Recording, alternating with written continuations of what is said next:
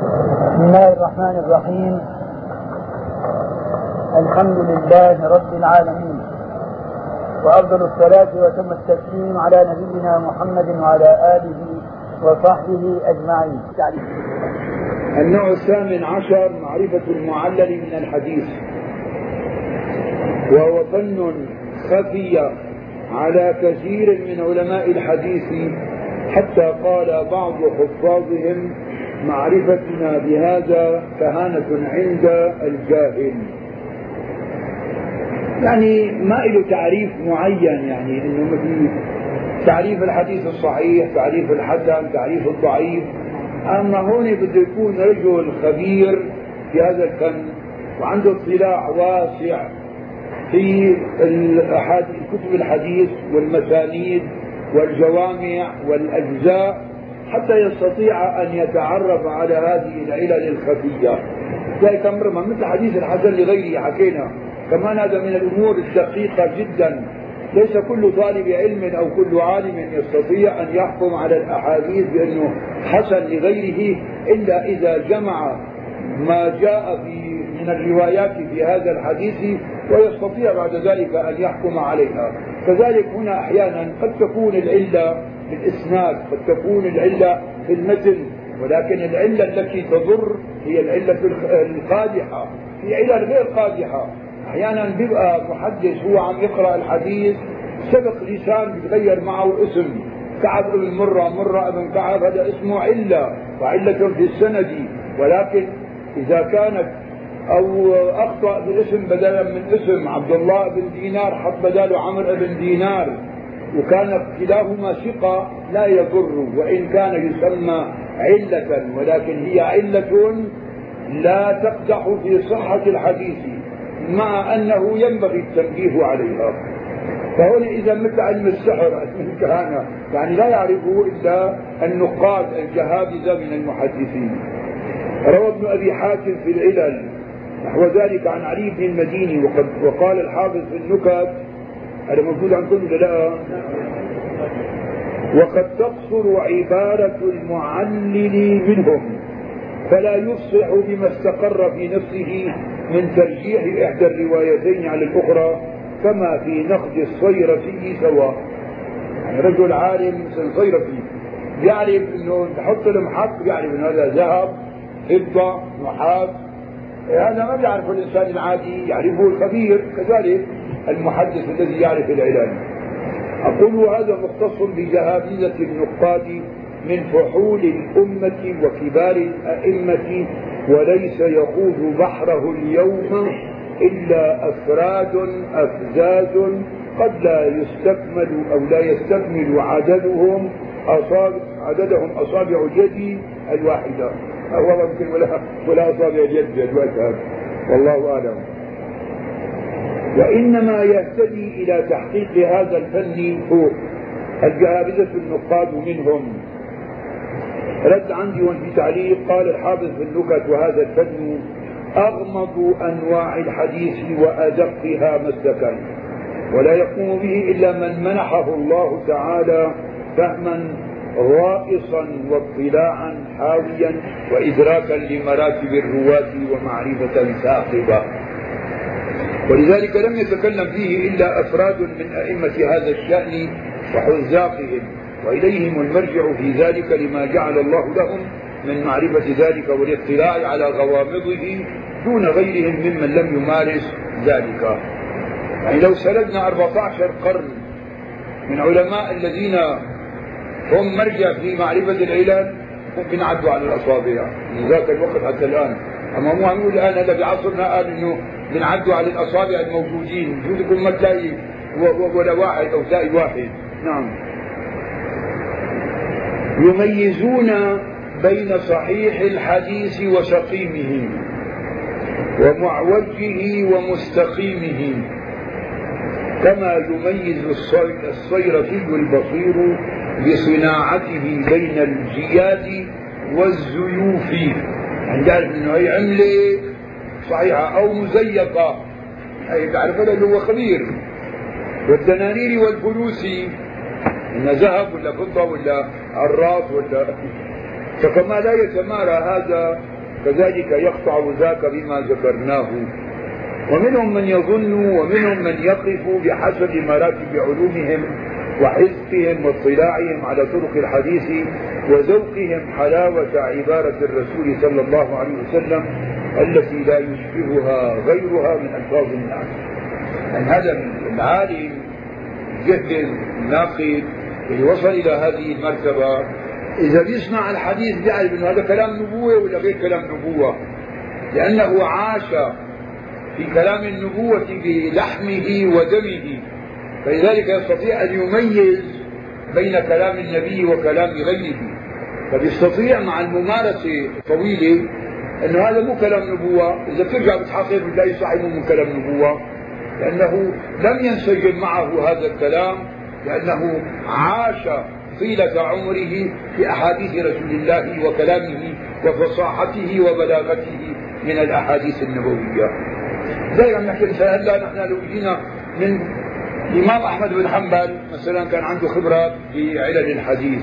علي بن المديني يحيى بن معين تيجي من بعض المحدثين اللي شرحوا الحديث الحافظ بن حجر العسقلاني الحافظ العراقي الحافظ ابن رجب الحنبلي الحافظ الهيثمي وإلا في كثير غيرهم ما عندهم هالمعرفة بالعلل. هذول باعتبار مارسوا فن الحديث سنين طويلة حتى عوجن الحديث بلحمهم ودمهم. عند ذلك صارت عندهم ملكة يستطيعون بها أن يميزوا بين كلام النبوة وكلام غيره وقد يكون التعليل مستفادا من الإسناد فتكون العلة بالسند.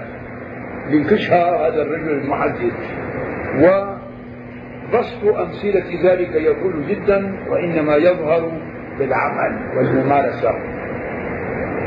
قال الخطيب البغدادي في الجامع لأخلاق الراوي وآداب السامع والسبيل إلى معرفة علة الحديث أن تجمع طرقه وينظر في اختلاف رواته ويعتبر بمكانهم في الحفظ ومنزلتهم في الإتقان والضبط. نعم سيدي. ومن أحسن كتاب وضع في ذلك وأجله وأفعله كتاب العلل لعلي بن المديني شيخ البخاري وسائر المحدثين بعده في هذا الشأن على الخصوص. هذا طلع من جديد يعني كمان كان مو مطبوع كتاب علي بن المديني رسالة صغيرة ما هو كبير. أما علل الدار قطني تسعة أو عشر مجلدات وصل. حتى الآن يعني يمكن ما انتهى بعد تسع مجلدات المطبوع منه أو عشرة. فلذلك شيء كبير كثير لكن شو من أصله؟ علل الدار قطني مو مرتب بده ترتيب وتنظيم. أما كبير جدا والرجوع إليه ما هو سهل.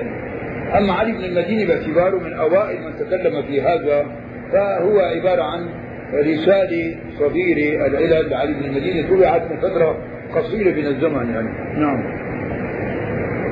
وشو عم نقول كتاب العلل. طبعت منه قطعة صغيرة. لعلي بن المديني إلى آخره. أي هو شيخ البخاري وشيخ من بعده من الأئمة في العلل خاصة. وكذا وكذلك كتاب العلل لعبد الرحمن بن أبي حاتم. ابن أبي حاتم صاحب كتاب الجرح والتعديل. له كتاب العلل. مطبوع كمان بمجلدين. هذا موجود كمان الآن. وهو مرتب على أبواب فقه هذا الفرق بين العلل للدار قطني والعلل لابن ابي حاتم علل ابن ابي حاتم مرتب علل الدار قطني مشوش وكتاب العلل للخلال. عم نقول هنا على كتاب العلل. لابن أبي حاتم وقد طبع في مصر في مجلدين. موجود الآن. وكتاب العلل للخلال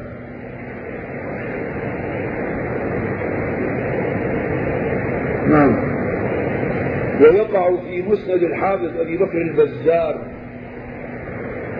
المسمى البحر الزخار. عاملين له طلع منه خمس مجلدات لا أكثر يمكن الله. ماشيين لكن كتاب كبيرة كمان. البحر الزخار في مسند البزار. فيه أيضا بحث بعض الأشياء في العلل في هذا الكتاب. من التعاليل ما لا يوجد في غيره من المسانيد. وقد جمع أزمة ما ذكرناه كل ما ذكرناه كله الحافظ الكبير أبو الحسن الدار قطني. في كتابه في ذلك واسمه العلل الواردة في الأحاديث النبوية. طبع منه تسع مجلدات وهو والكتاب السابق مطبوعان بتحقيق الأستاذ محفوظ الرحمن زين الله السلفي.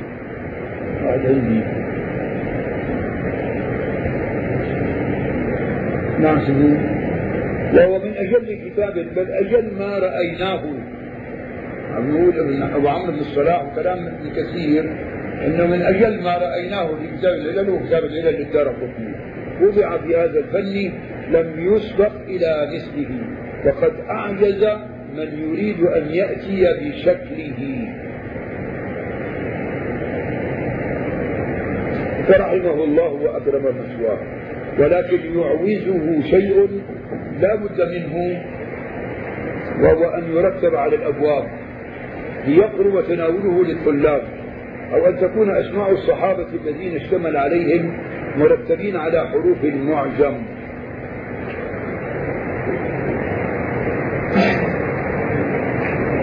وقد قام لذلك كله محققه الفاضل في فارسه الفنية التي صنعها فجزاه الله خيرا. نقول هنا المحقق رتب ذلك في الفهارس ليسهل الأخذ منه فإنه مبدد جدا لا يكاد يهتدي الإنسان إلى مطلوبه منه بسهولة. والله موفق. كنا في الدرس الماضي قرأنا ببحث المعلل ووصلنا إلى هنا التعليق عندكم موجود هذا التعليق. من تعليق أحمد شاكر رحمه الله. هذا الفن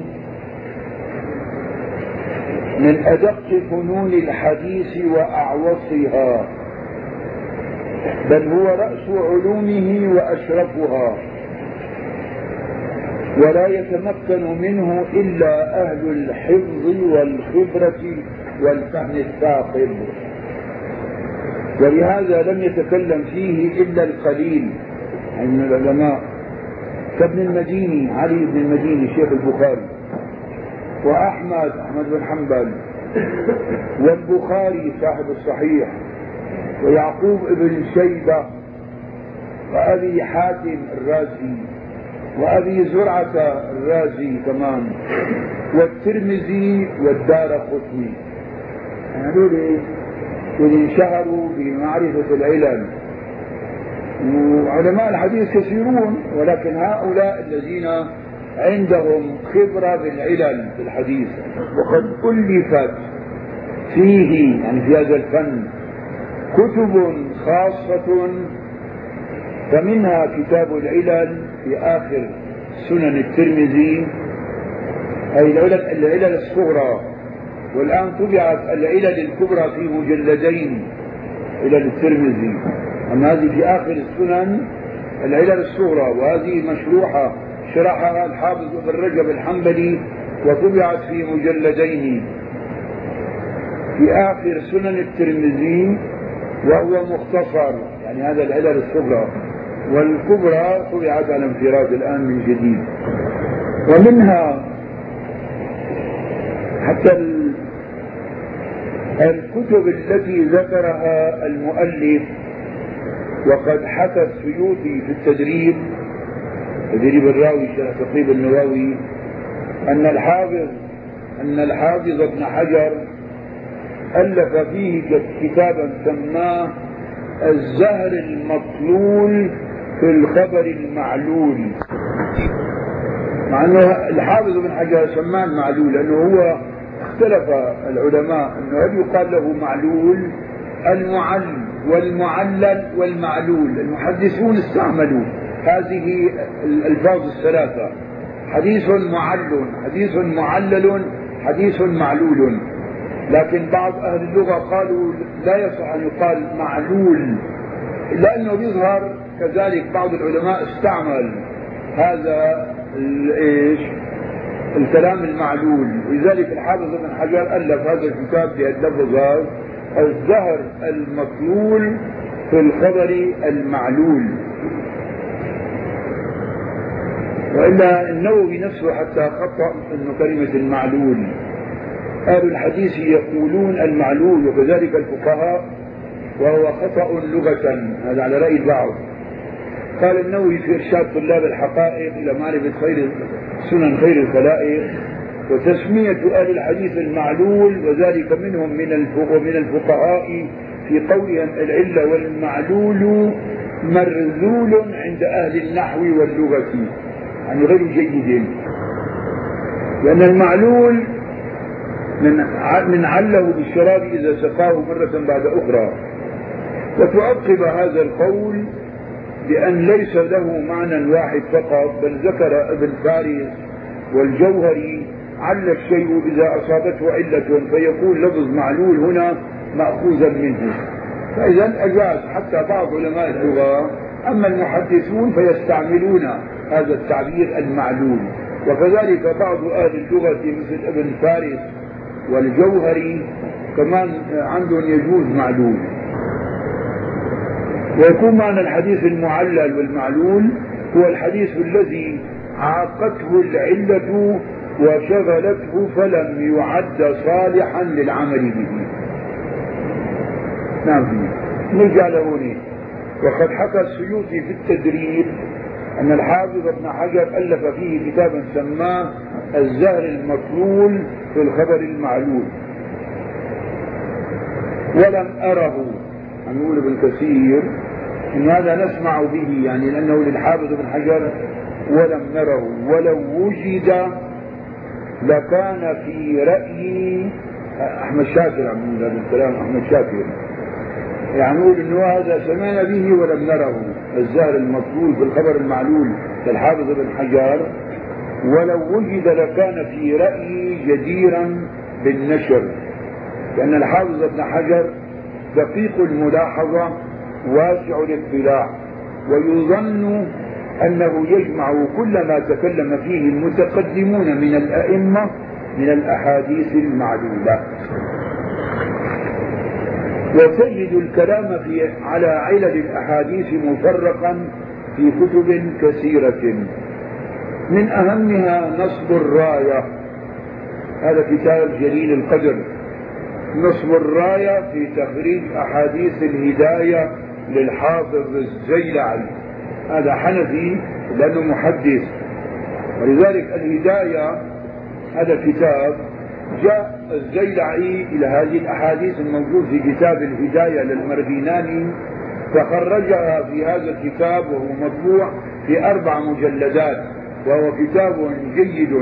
نصب الراية في تخريج أحاديث الهداية وأغلب الأحاديث التي يستشهد بها خاصة في كتب الفقه الحنفي موجودة في هذا الكتاب ومخرجة. نعم. للحافظ الزيلعي والتلخيص الحبير تلخيص الحبير للحافظ ابن حجر.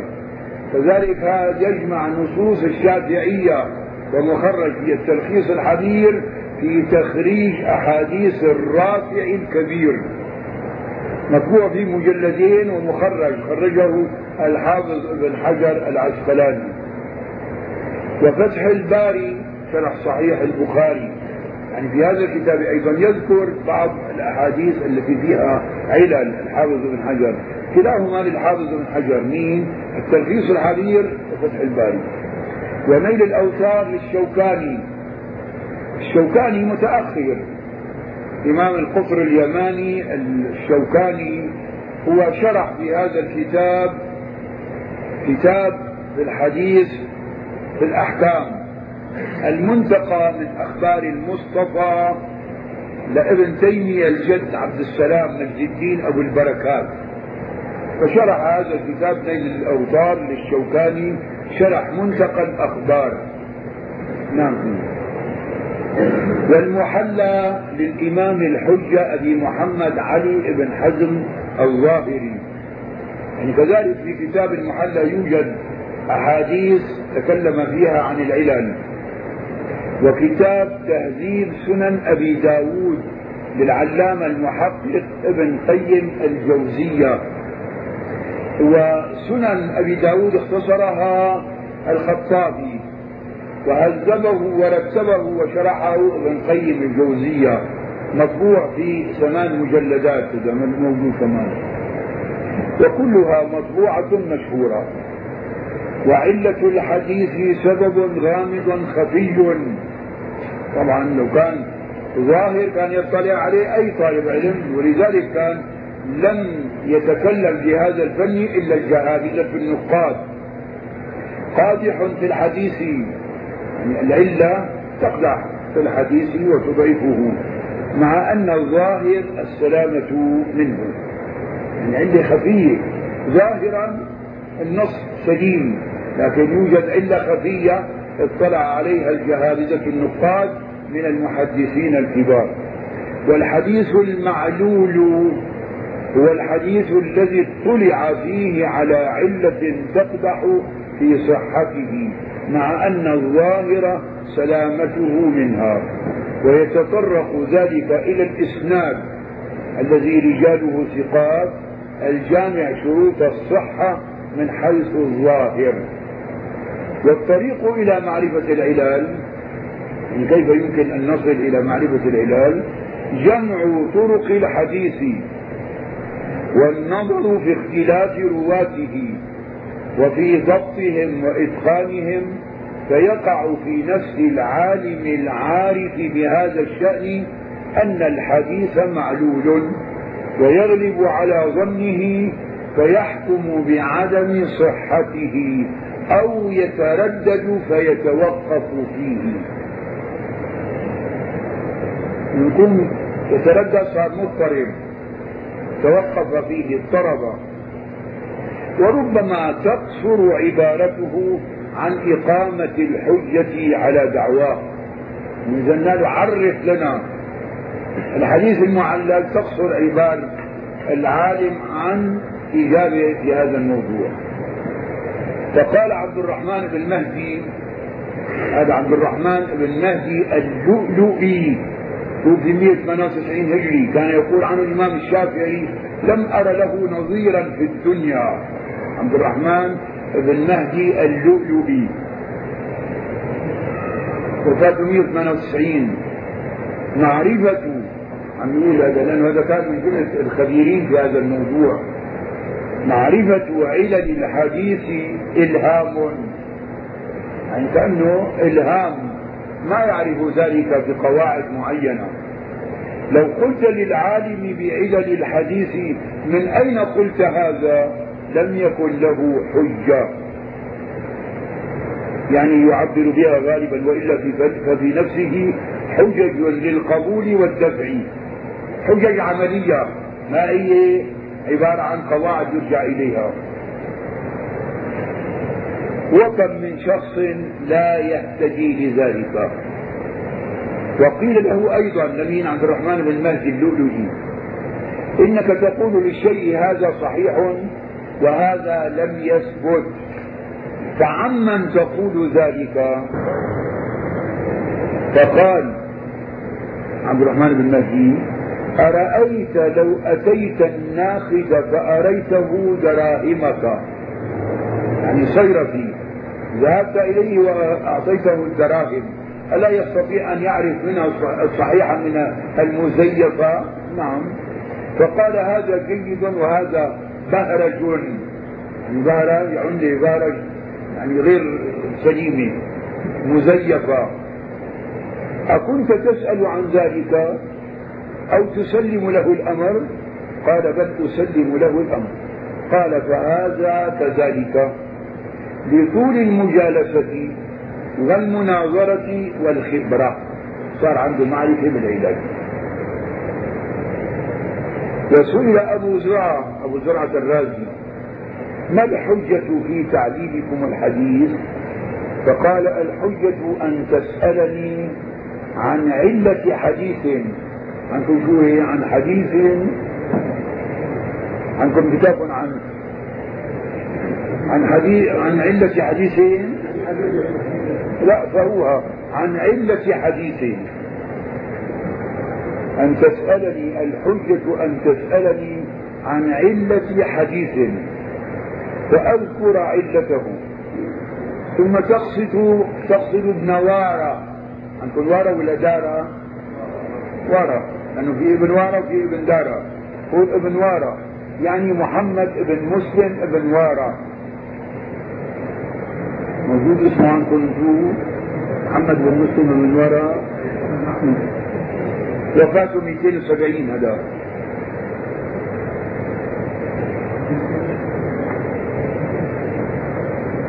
فتسأله عنه فيذكر علته ثم تقصد أبا حاتم الرازي يعني. فيعلله ثم تميز كلامنا على ذلك الحديث. فإن وجدت بيننا خلافا فاعلم أن كلا منا تكلم على مراده وإن وجدت الكلمة متفقة فاعلم حقيقة هذا العلم. لو ذهبت إلى رجلين من علماء إيش؟ العلم. تسأل هذا يعطيك الجواب تسأل الآخر يعطيك نفس الجواب. لكن هذا ما هو عبارة عن قاعدة يرجع إليها وإنما من الممارسة عرف هذا العلة وعرف ذاك العلة. وإن وجدت الكلمة متفقة فاعلم حقيقة هذا العلم ففعل الرجل ذلك. يعني سأل هذا وهذا سأل أبا حاتم وسأل كذلك آه، مين؟ ابن وارى فأخذ نفس الجواب. ففعل الرجل ذلك فاتفقت كلمتهم فقال أشهد أن هذا العلم إلهام. طبعا إلهام يعني وحي. وحي ينزل السماء بواسطة جبريل. إلهام يعني مثل يسموه الرسول صلى الله عليه وسلم قال عمر بن الخطاب إن في أمتي محدثون ومروعون. فهذول يعني المحدث كأنه ملهم يعني الله يلهمه الصواب في كلامه لشدة معرفته في هذا الفن. والعلة قد تكون بالإرسال في الموصول. أحيانا من جملة العلاج أنه هذا الحديث رواه مثلا المحدث مرسلا ورواه الآخر موصولا. فهذه إلا لكن الوصل زيادة بما أن الزيادة ثقة فقد يجد هناك علة في الموصول ويكون المرسل هو الصواب. هذا لابد من الرجوع فيه إلى أهل الخبرة. أو الوقف في المرفوع أو بدخول حديث في حديث. هذا بيصير أحيانا. يسموه تلفيق. إنه أحيانا قد يتبادر لذهن العالم خاصة مثل العلماء اللي بينقلوا عن حفظهم على كتاب زاد المعاد. في هدي خير العباد ابن قيم الجوزية. هذا ألفه من حفظه في ذهابه إلى الحج ورجوعه من الحج ولم يكن معه إلا بعض الكتب.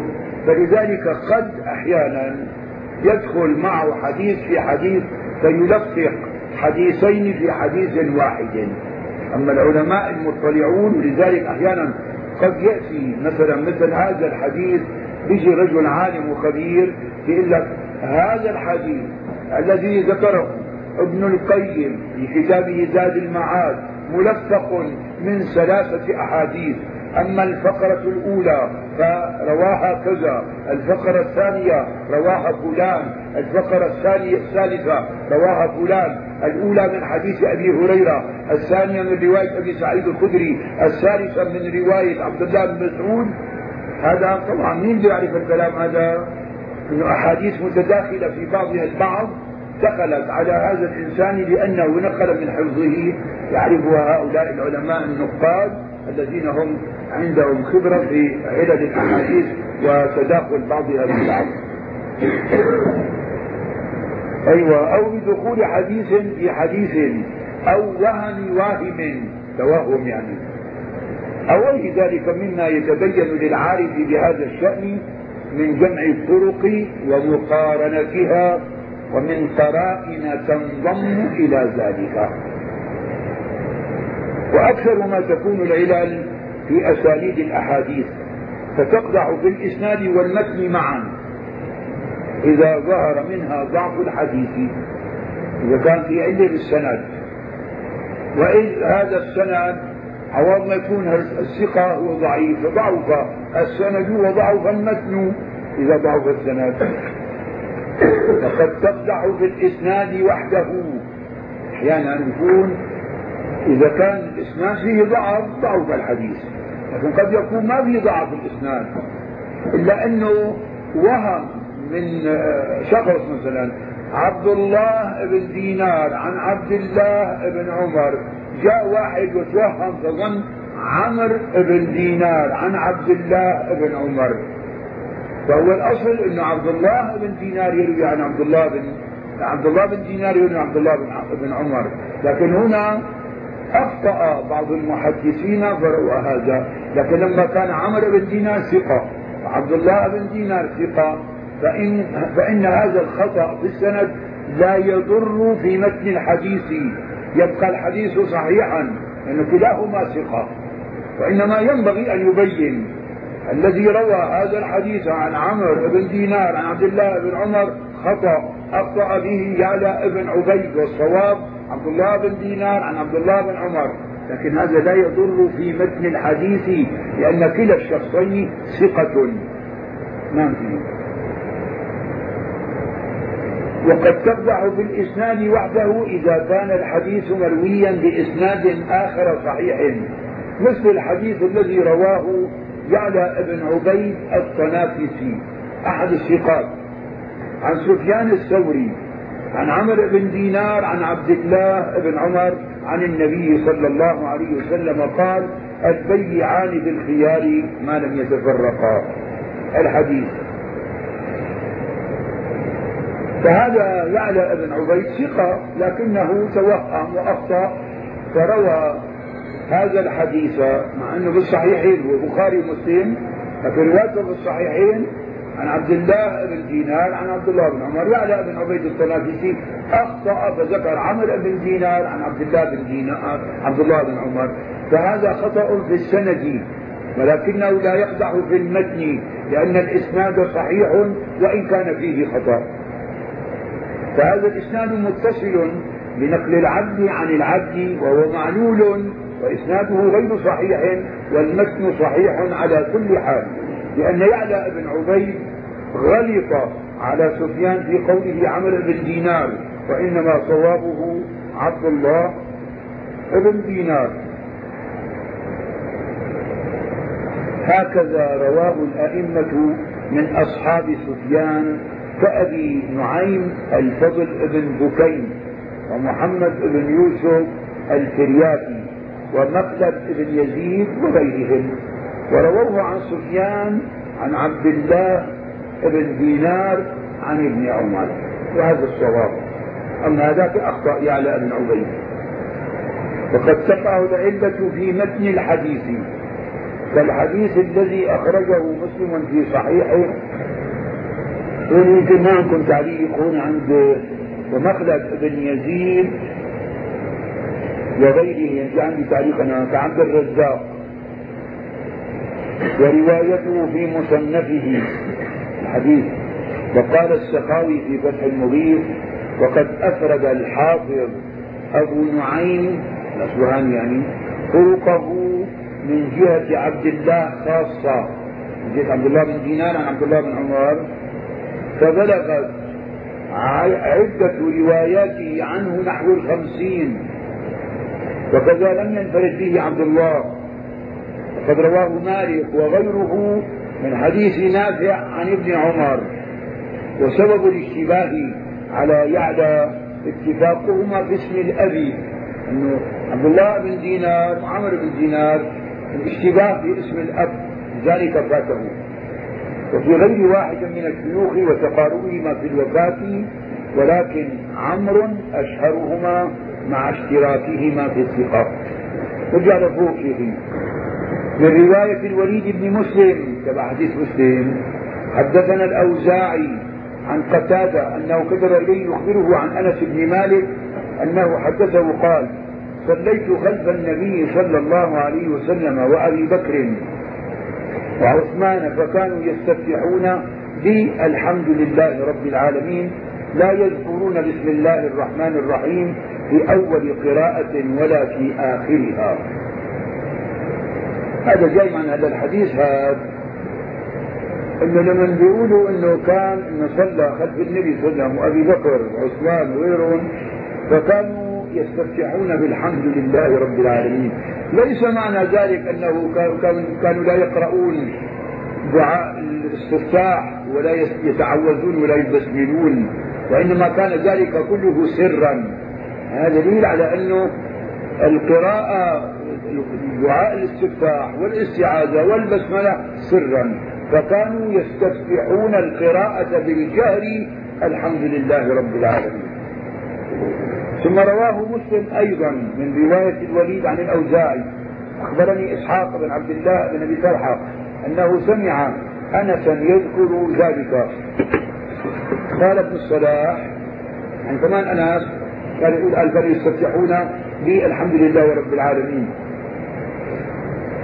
قال ابن الصلاح في كتاب علوم الحديث فعلل قوم رواية اللفظ المذكور يعني الرواية جعلوها معللة يعني التصريح بنفي قراءة البسملة. ما من نفي وإنما نفي للجهر لذلك جاي لما رأوا الأكثرين إنما قالوا فيه فكانوا يستفتحون القراءة بالحمد لله رب العالمين من غير تعرض لذكر البسملة وهو الذي اتفق البخاري ومسلم على إخراجه في الصحيح. ورأوا أن من رواه باللفظ المذكور رواه بالمعنى الذي وقع له ففهم من قوله كانوا يستفتحون بالحمد لله أنهم كانوا لا يبسملون. فرواه على ما فهم وأخطأ لأن معناه أن السورة التي كانوا يستفتحون بها السور هي الفاتحة وليس فيه تعرض لذكر التسمية. وانضم إلى ذلك أمورا منها أنه ثبت عن أنس أنه سئل عن الافتتاح بالتسمية فذكر أنه لا يحفظ فيه شيئا عن رسول الله صلى الله عليه وسلم والله أعلم. لكن إذا كان أنس ما سمع ما حفظ ذلك فقد حفظ غيره ومن حفظ حجة على من لم يحفظ. وهذه زيادة من ثقة فهي مقبولة. جاية لمعنى الكلام هنا. وقد أطال الحافظ العراقي في شرحه على ابن الصلاح الكلام على تعليل هذا الحديث. وكذلك السيوطي في التدريب. وانظر ما كتبه الأخ العلامة الشيخ محمد حامد الفقي في تعليقه على المنتقى لابن تيمية. يقول أحمد شاكر. عم يمدح الشيخ محمد حامد الفقي رئيس جماعة أنصار السنة المحمدية. ولكن الأخير هذه صار خلاف بينه وبينه وعمل رسالة بيني وبين الشيخ حامد الفقي. صار في خلافات قوية بينهما. هذا الكلام لأنه حامد الفقي حقق كتاب المنتقى من أخبار المصطفى وهو مطبوع في ثلاث مجلدات المتن فقط. تعلق عليه تعليقات جيدة محمد حامد الفقيه فلذلك عم نقول أحمد شاكر وانظر ما كتبه الأخ العلامة الشيخ محمد حامد الفقيه في تعليقه على المنتقى لابن تيمية الجد مو ابن تيمية الحفيد. لأنه إذا أطلق ابن تيمية فالمشهور هو الحفيد أحمد بن عبد الحليم بن عبد السلام. ولكن هذا الجد صاحب المنتقى ويقال له شيخ الإسلام عند الحنابلة. فلذلك يعني أرجع إلى هذا. ثم إن الحاكم في كتابه علوم الحديث وبيقولوا ابن حجر العسقلاني وطريق الجمع بين الروايات كما قال ابن حجر ممكن في هذا الحديث تبع التسمية وعدم ذكر التسمية. بحمل نفي نفي القراءة على نفي السماع ونفي السماع على نفي الجهر. مو ما في قراءة وإنما الجهر منفي فيها. ويؤيده أن لفظ رواية منصور بن, بن زازان فلم يسمعنا قراءة بسم الله. وأصرح منها رواية الحسن عن أنس كما عند ابن خزيمة كانوا يسرون ببسم الله الرحمن الرحيم. فإذا مو معناته أنه محذوفة لمن قال أنه بدأ الرسول قراءته بالحمد لله رب العالمين ما في فيه لكن هي روايات. فلم يسمعنا قراءة بسم الله. الرواية الثانية كانوا يسرون ببسم الله وبهذا الجمع زادت دعوى الاضطراب. ذلك يعني إذا جمعنا الجماعة يكون الحديث ما في اضطراب. وحينئذ يجاب عن قول أنس لا أحفظ بأن المثبت مقدم على النافي حسب قواعد أصول الفقه. لذلك إذا أنس ما سمع فقد ما حفظ؟ فقد حفظ غيره ذلك كما في هاتين الروايتين فلم يسمعنا قراءة بسم الله فرواية كانوا يسرون ببسم الله. أما في بعض من قال بالجهر ورد عن أبي هريرة أنه جهر بها ويرى الجهر ابن عمر وابن الزبير وبعض التابعين وبه يقول الشافعي. لكن ما عندنا حديث صحيح صريح عن النبي عليه الصلاة والسلام أنه جهر بالبسملة. أما كاجتهاد من الصحابة والتابعين فيه. ولذلك الإمام الشافعي أخذ بالجهر بينما بقية الأئمة الثلاثة مالك وأبو حنيفة وأحمد ما في جهر وإن كان عن مالك أخذ الحديث أنه آه، الفاتحة نبدأ فيها ما في لا دعاء استفتاح ولا استعاذة ولا بسملة. لكن عند غيرهم أبي حنيفة وأحمد بن يوجد هناك دعاء استفتاح واستعاذة وبسملة ولكن سرا لا جهرا لذلك آه، أبو هريرة عبد الله بن عمر عبد الله بن الزبير التابعون والشافعي اجتهدوا في هذا. وبيان الراجح من غيره يكون بجمع الطرق قال علي بن المديني الباب إذا لم تجمع طرقه ولم آه، يتبين خطأه. فكان بعض الحفاظ يقول إن لم يكن للحديث عندي مئة طريق فأنا فيه يتيم. يعني لسه ما استكمل بحثه. يعني ذلك هذا بقى بيكون لمين؟ لهؤلاء الذين عندهم قدرة. ذلك يقول الحافظ ابن حجر بعدين نقل عنه في فتح المغيث فالله تعالى بلطيف عنايته أقام لعلم الحديث رجالا نقادا.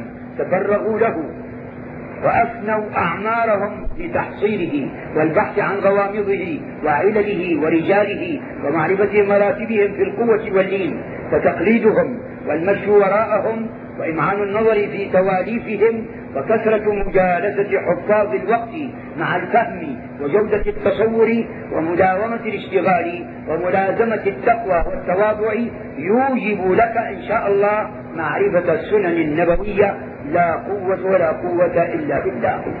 لذلك إذا نحن نقول أنه إذا جمعنا طرق هذا الحديث ليس مضطربا وإن كان ذكره البعض في الأحاديث المضطربة المعللة. تبع بسم الله.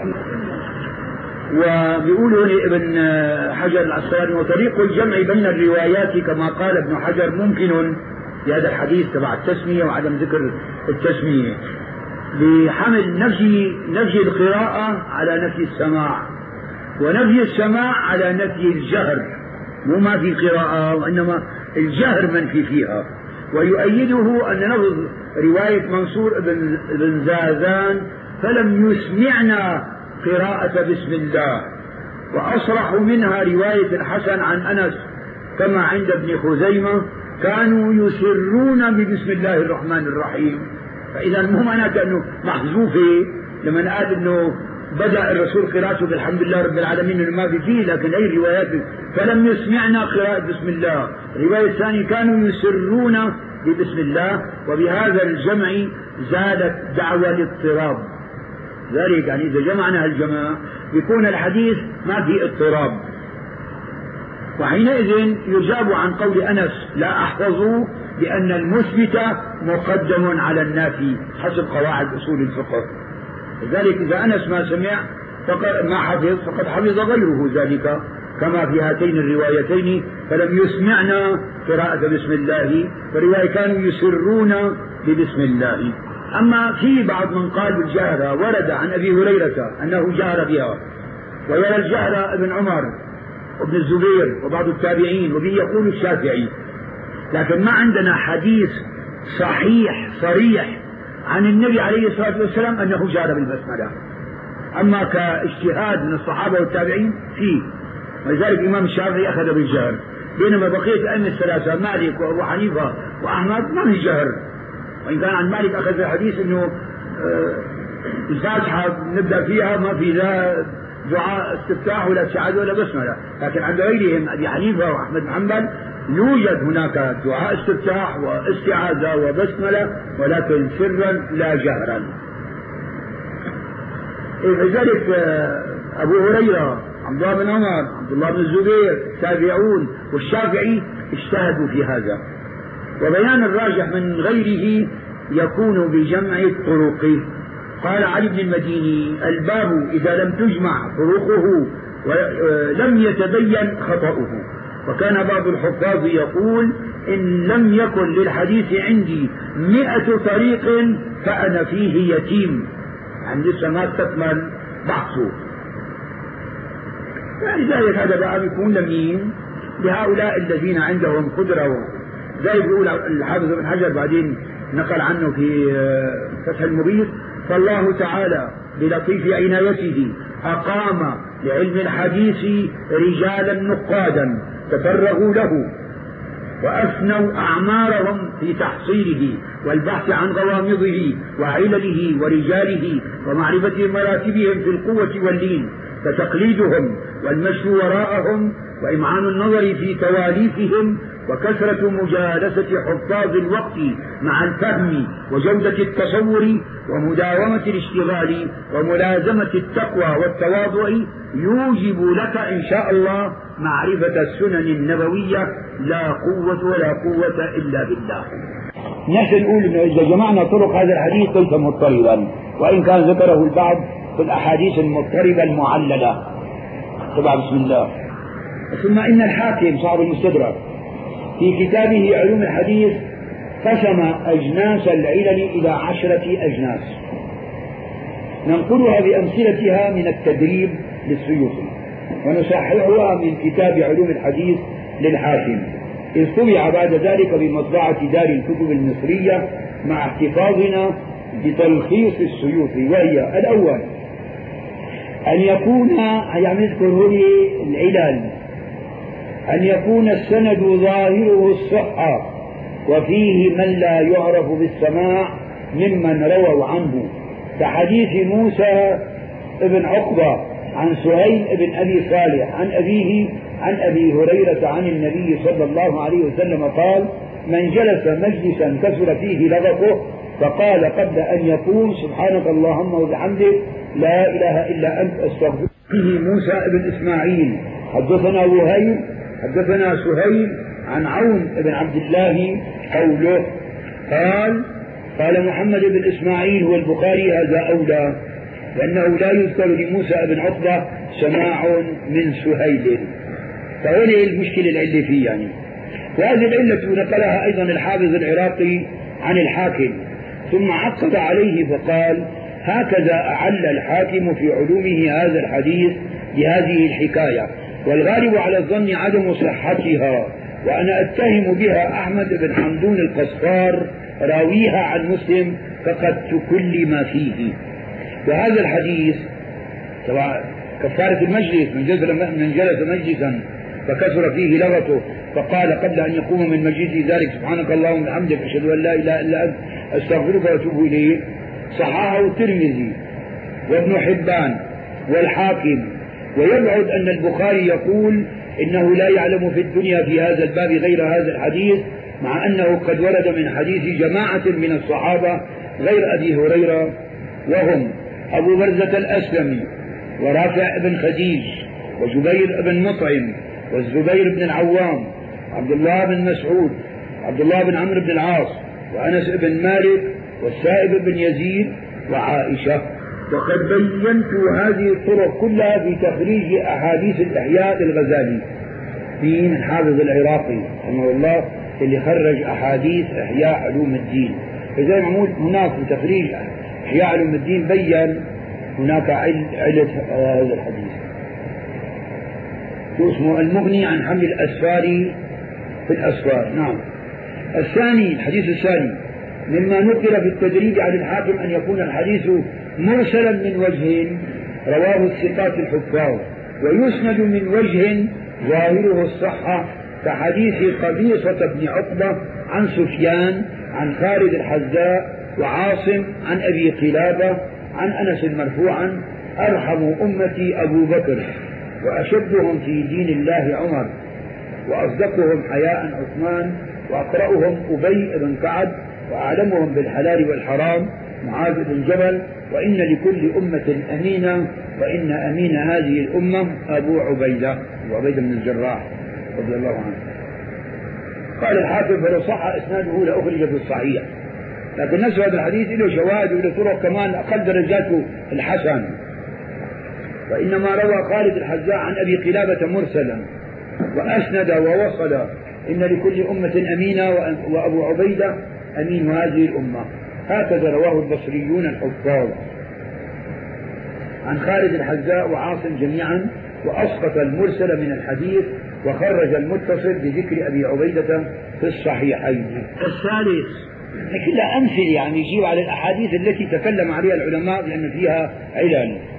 أن يكون الحديث محفوظا عن صحابي ويروى عن غيره لاختلاف بلاد رواته كرواية المدنيين عن الكوفيين.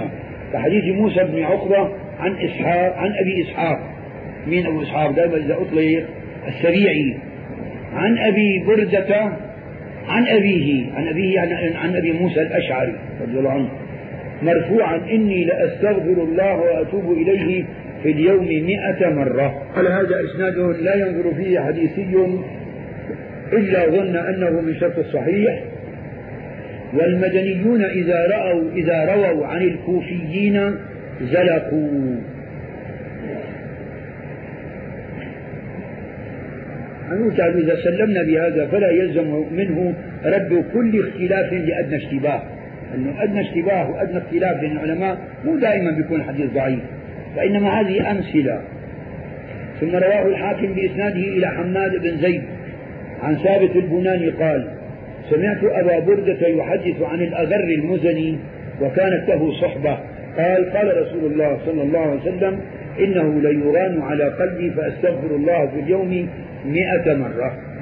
ثم ذكر الحاكم أنه رواه مسلم في صحيحه هكذا. وقال وهو الصحيح المحفوظ. يعني إذا المحفوظ في هذا الحديث عن ثابت حماد بن زيد عن ثابت البناني عن أبي بردة عن الأغر المزني وعن أبيه أبي موسى الأشعري. تنبيه. في نسخة التدريب الأغر المدني. غلط. بالدال وهو تصحيح فإن الأغر المدني تابعي مولى لأبي هريرة وأبي سعيد. وأما الصحابي فهو الأغر المزني. بالزال وهو الذي يروي عنه أبو بردة ابن أبي موسى الأشعري. الرابع أن يكون محفوظا عن صحابي ويروى عن تابعي يقع الوهم بالتصريح بما يقتضي صحبته بل لا يكون معروفا من جهته كحديث زهير بن محمد عن عثمان بن سليمان عن أبيه أنه سمع رسول الله صلى الله عليه وسلم يقرأ في المغرب بالطور سورة الطور والطور وكتاب مستور. قال الحاكم خرج العسكري وغيره من المشايخ هذا الحديث في الوحدان. وهو معلول من ثلاثة أوجه. أحدها أن عثمان هو ابن أبي سليمان. هو عثمان بن سليمان بن جبير بن مطعم قاضي مكة يروي عن سعيد بن جبير والخطأ من زهير بن محمد وهو الخراساني من أهل الشام. فيه ضعف. نعم. والآخر أن عثمان إنما رواه عن نافع بن جبير بن مطعم عن أبيه. والثالث قوله سمع النبي صلى الله عليه وسلم وأبو سليمان لم يسمع من النبي صلى الله عليه وسلم ولا رآه. إذا في علل تنتين ثلاثة الخامس أن يكون روي بالعنعنة وسقط منه رجل دل عليه طريقة أخرى محفوظة. كحديث يونس عن ابن شهاب عن علي بن الحسين عن رجال من الأنصار أنهم كانوا مع رسول الله صلى الله عليه وسلم ذات ليلة فرمي بنجم فاستنار الحديث. قال الحاكم علة هذا الحديث أن يونس على حفظه وجلالة محله فسر به. يعني في هذا الحديث. وإنما هو عن ابن عباس. قال حدثني رجال من الأنصار. وهكذا رواه ابن عيينة وشعيب وصالح والأوزاعي وغيرهم عن الزهري. يعني كلها أمثلة على إيش؟ على العلال. السادس أن يختلف على رجل بالإسناد وغيره ويكون المحفوظ عنه ما قابل الإسناد. كحديث علي بن الحسين بن واقد عن أبيه عبد الله بن بريدة عن أبيه عن عمر بن الخطاب. واضح عنكم الخطاب؟ قال قلت يا رسول الله ما لك أفصحنا الحديث؟ وذكر الحاكم علته. وهي ما أسند عن علي بن خشرم. حدثنا علي بن حسين بن واقد بلغني عن عمر فذكره. معناتها في انقطاع. السابع الاختلاف على رجل في تسمية شيخه أو تجهيله. كحديث أبي شهاب عن سفيان الثوري. أبي شهاب إنه هي جاي معنا في غلطة للسيوفي مثل الحديث هذا. قال كحديث ابن شهاب. بينما هذا أبو شهاب الحناط. عن أبي شهاب الحناط. عن سفيان الثوري. عن حجاج ابن فرافصة. عن يحيى بن أبي كثير عن أبي سلمة عن أبي هريرة مرفوعا المؤمن غر كريم والفاجر خب لئيم. وذكر الحاكم علته وهي ما أسند عن محمد بن كثير. حدثنا سفيان الثوري عن حجاج عن رجل عن أبي سلمة فذكره.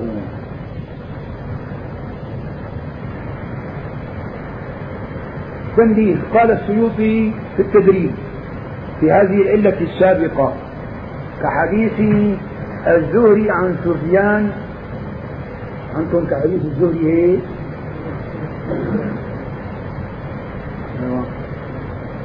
كحديث الزهري عن سفيان الثوري وهو خطأ غريب من مثله. هذا كلام السيوطي. شوفوا على الخطأ اللي أخطأها وهو إمام. كحديث الزهري. وهو الزهري. كحديث أبي شهاب الحناط. فهو خطر بباله الزهري. عوض أبي شهاب ابن شهاب.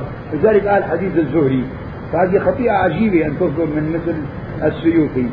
كحديث الزهري هي معناتها هي غلط هون. من من مين؟ من السيوطي. وإلا هي كحديث أبي شهاب الحناط. عن سفيان الثوري وهو خطأ غريب من مثله.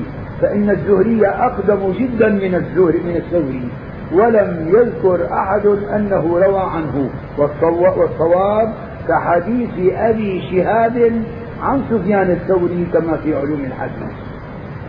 فهي ذاتي الحافظ السيوطي رحمه الله.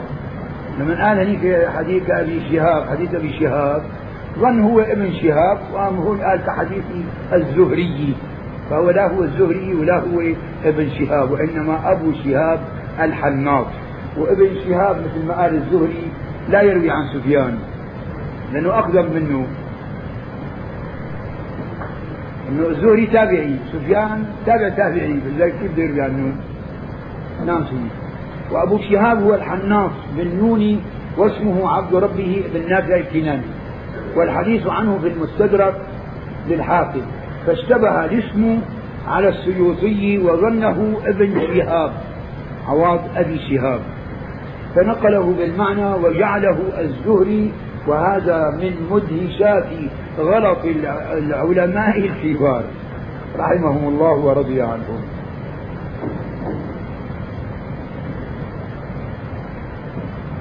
في عندي تعليق هوني وبنحو هذا الغلط موجود عندكم ما بعرف تماما تحرف سمو مؤلف نصيحة الإخوان ابن شيخ الحزاميين إلى والد إمام الحرمين. عواض الحزاميين كتب إمام الحرمين. وبالتالي غير اسم رسالته إلى إثبات الاستواء والفوقية. وكلتا الرسالتين واحدة لمؤلف واحد وقد بينت ذلك بدلائله في مقدمتي على نصيحة الإخوان. ثم إن هذه العلة التي أعل بها الحاكم هذا الحديث غير جيدة بل هي بل غير صحيحة لأن أبا شهاب الحناط لم ينفرد عن الثوري بتسمية يحيى بن أبي كثير فقد تابعه عليه عيسى بن يونس ويحيى بن الضريس فروياه عن الثوري عن حجاج حجاج بن عطاء عن يحيى عن أبي سلمة عن أبي هريرة مرفوعا. وله أيضا شاهد وإن شئت فسمه متابعة قاصرة فرواه عبد الرزاق عن بشر بن رافع عن يحيى بن أبي كثير بإسناده فانتقض تعليل الحديث بغلط أبي شهاب الحناط وانظر أسانيده في المستدرك وبالله التوفيق. إذا أخطأ الحاكم بأنه هذا الحديث معلل الثامن أن يكون الراوي عن شخص أدركه وسمع منه. ولكنه لم يسمع منه أحاديث معينة. فإذا رواها عنه بلا واسطة فعلتها أنه لم يسمعها منه. عنكم يسمعه مالكون. يسمعها فهو يسمعها. فعلتها أنه لم يسمعها منه. كحديث يحيى بن أبي كثير عن أنس أن النبي صلى الله عليه وسلم كان إذا أفطر عند أهل بيت قال أفطر عندكم الصائمون. قال الحاكم قد ثبت عندنا من غير وجه رواية يحيى بن أبي كثير عن أنس بن مالك إلا أنه لم يسمع منه هذا الحديث. ثم أسند عن يحيى قال حدثت عن أنس فذكره. عنون التاريخ هون انه هذا في علة بالإسناد الحديث. هذا الإعلان متجه على هذا الإسناد وإلا فإن المتن صحيح. بوروده من طرق أخرى تثبته. فانظر التلخيص الحبير وخلاصة البدر المنير. نعم. التاسع أن تكون طريق معروفة يروي أحد رجالها حديثا من غير تلك الطريق فيقع من رواه من تلك الطريق بناء على الجادة بالوهم كحديث المنذر بن عبد الله الحزامي عن عبد العزيز بن الماجشون عن عبد الله بن دينان عن ابن عمر أن رسول الله صلى الله عليه وسلم كان إذا افتتح الصلاة قال سبحانك اللهم. الحديث.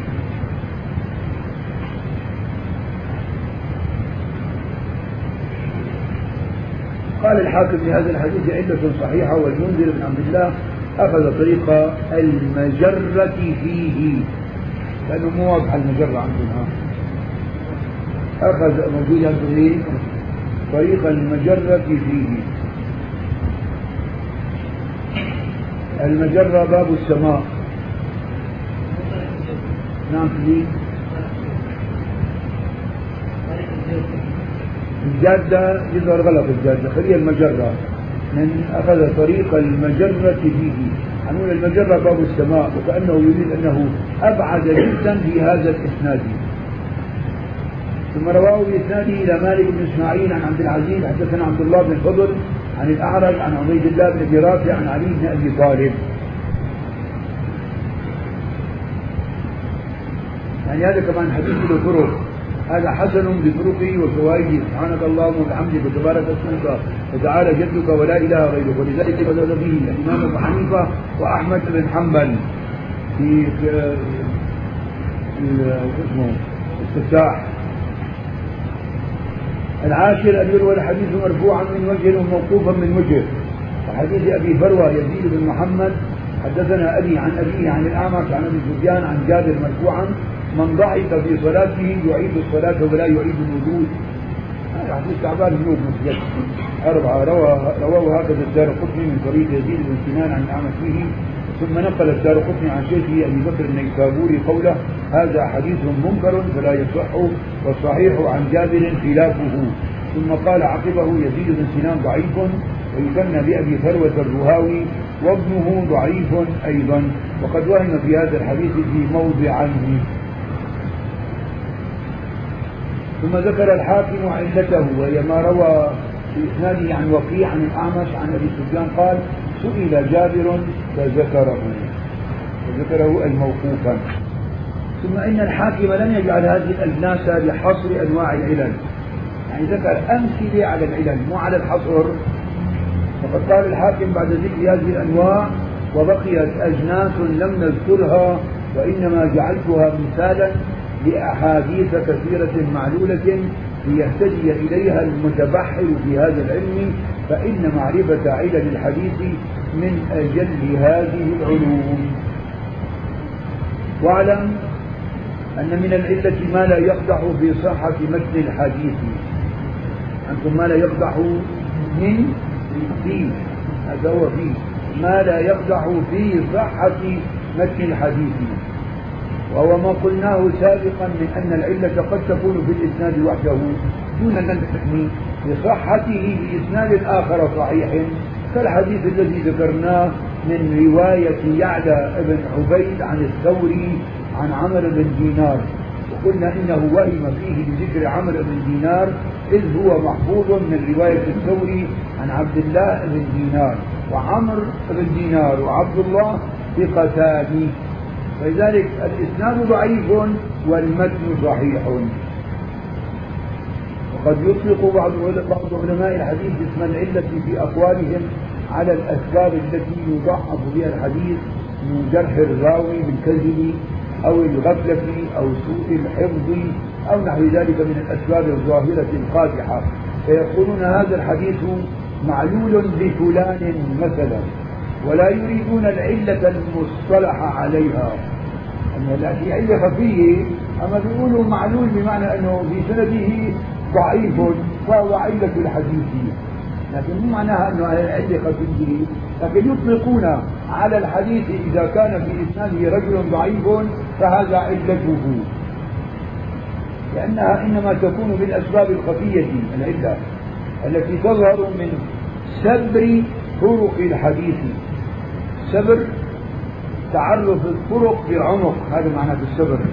السبر تعرف الطرق بعمق. كما تقدم. وقد أطلق أبو يعلى الخليلي في كتاب الإرشاد. عندكم الإرشاد؟ الإشارة ولا هو الإرشاد. اسمه كتاب الإرشاد في علماء العباد للخليلي. إشارة غلط. الإرشاد في علماء البلاد. كتاب كبير. هذا ترجم فيه المحدثين وهو كتاب كبير انتخبه الحافظ السلفي يعني أخذ منه أشياء. وقد أطلق أبو يعلى الخليلي في كتاب الإرشاد العلة على ما ليس بقادح من وجوه الخلاف نحو إرسال من أرسل الحديث الذي أسنده الثقة الضابط حتى قال انتهت الإرشاد في معرفة علماء البلاد نعم. من أقسام الصحيح ما هو صحيح معلول كما قال بعضهم من الصحيح ما هو صحيح شاذ. فهو للعلة وإن كان إسناده صحيحا لكن فيه علة وهو أنه شذ في هذه الرواية عن رواية الأكثرين. ولم يقصد بهذا التقيد بالاصطلاح. يعني مو باصطلاح علماء المصطلح وإنما أنه في هناك علة. ومثل له بحديث مالك في الموطأ أنه قال بلغنا أن أبا هريرة قال قال رسول الله صلى الله عليه وسلم للمملوك طعامه وكسوته فرواه مالك معضلا. هكذا في الموطأ. ورواه موصولا خارج الموطأ وقد رواه إبراهيم بن طهمان والنعمان بن عبد السلام عن مالك عن محمد بن عزان عن كل ابن يمكن. عن محمد بن عزان عن أبيه عن أبي هريرة فقد صار الحديث بعد بيان إسناده صحيحا. قال بعضهم وذلك عكس المعلول فإنه ما ظاهره السلامة فاطلع فيه بعد البحث على قادح وهذا كان ظاهره الإعلال بالإضلال بالإعضال. هذا ظاهر مو خفي فلما فتش تبين وقته ونقل ابن الصلاح تبعه النووي في المسلوك أن الترمذي أن الترمذي سمى النسخ علة من علل الحديث. كمان هذا لكن الحقيقة ما هو علة هذا. وإنما إذا حديث ناسخ ومنسوخ فهذا أبطل حكمه لكن ليس علة. كان يعمل به قديما فجاء الناسخ فرسخ ذاك الحكم. لكن هذا تعبير الترمذي. لذلك عم نقول وتبعه آه أن الترمذي سمى النسخ علة من علل الحديث ونقل السلوكي في التدريب عن العراق أنه قال فإن أراد يعني الترمذي أنه علة في العمل في الحديث فصحيح يعني العلة لا يعمل به. لكن ليس هذا معناه أنه معلل بعلة خفية كما هو معرفة الحديث المعلل أو في صحته فلا. أما حديث صحيح ولكن بطل حكمه. أنا مثلا مثلا كنت الرسول أول شيء نهى عن زيارة القبور في أول الأمر. خشية أن يعبدوها. لأنه كان لسه يعني قريب عهد بالكفر بالإشراك فلما تمكن الإيمان في قلوبهم قال كنت نهيتكم عن زيارة القبور ألا فزوروها. فنسخ هذا الحكم القديم تبع النهي. وإنما الأولاني صحيح والثاني صحيح لكن الثاني أبطل الحكم في الأول.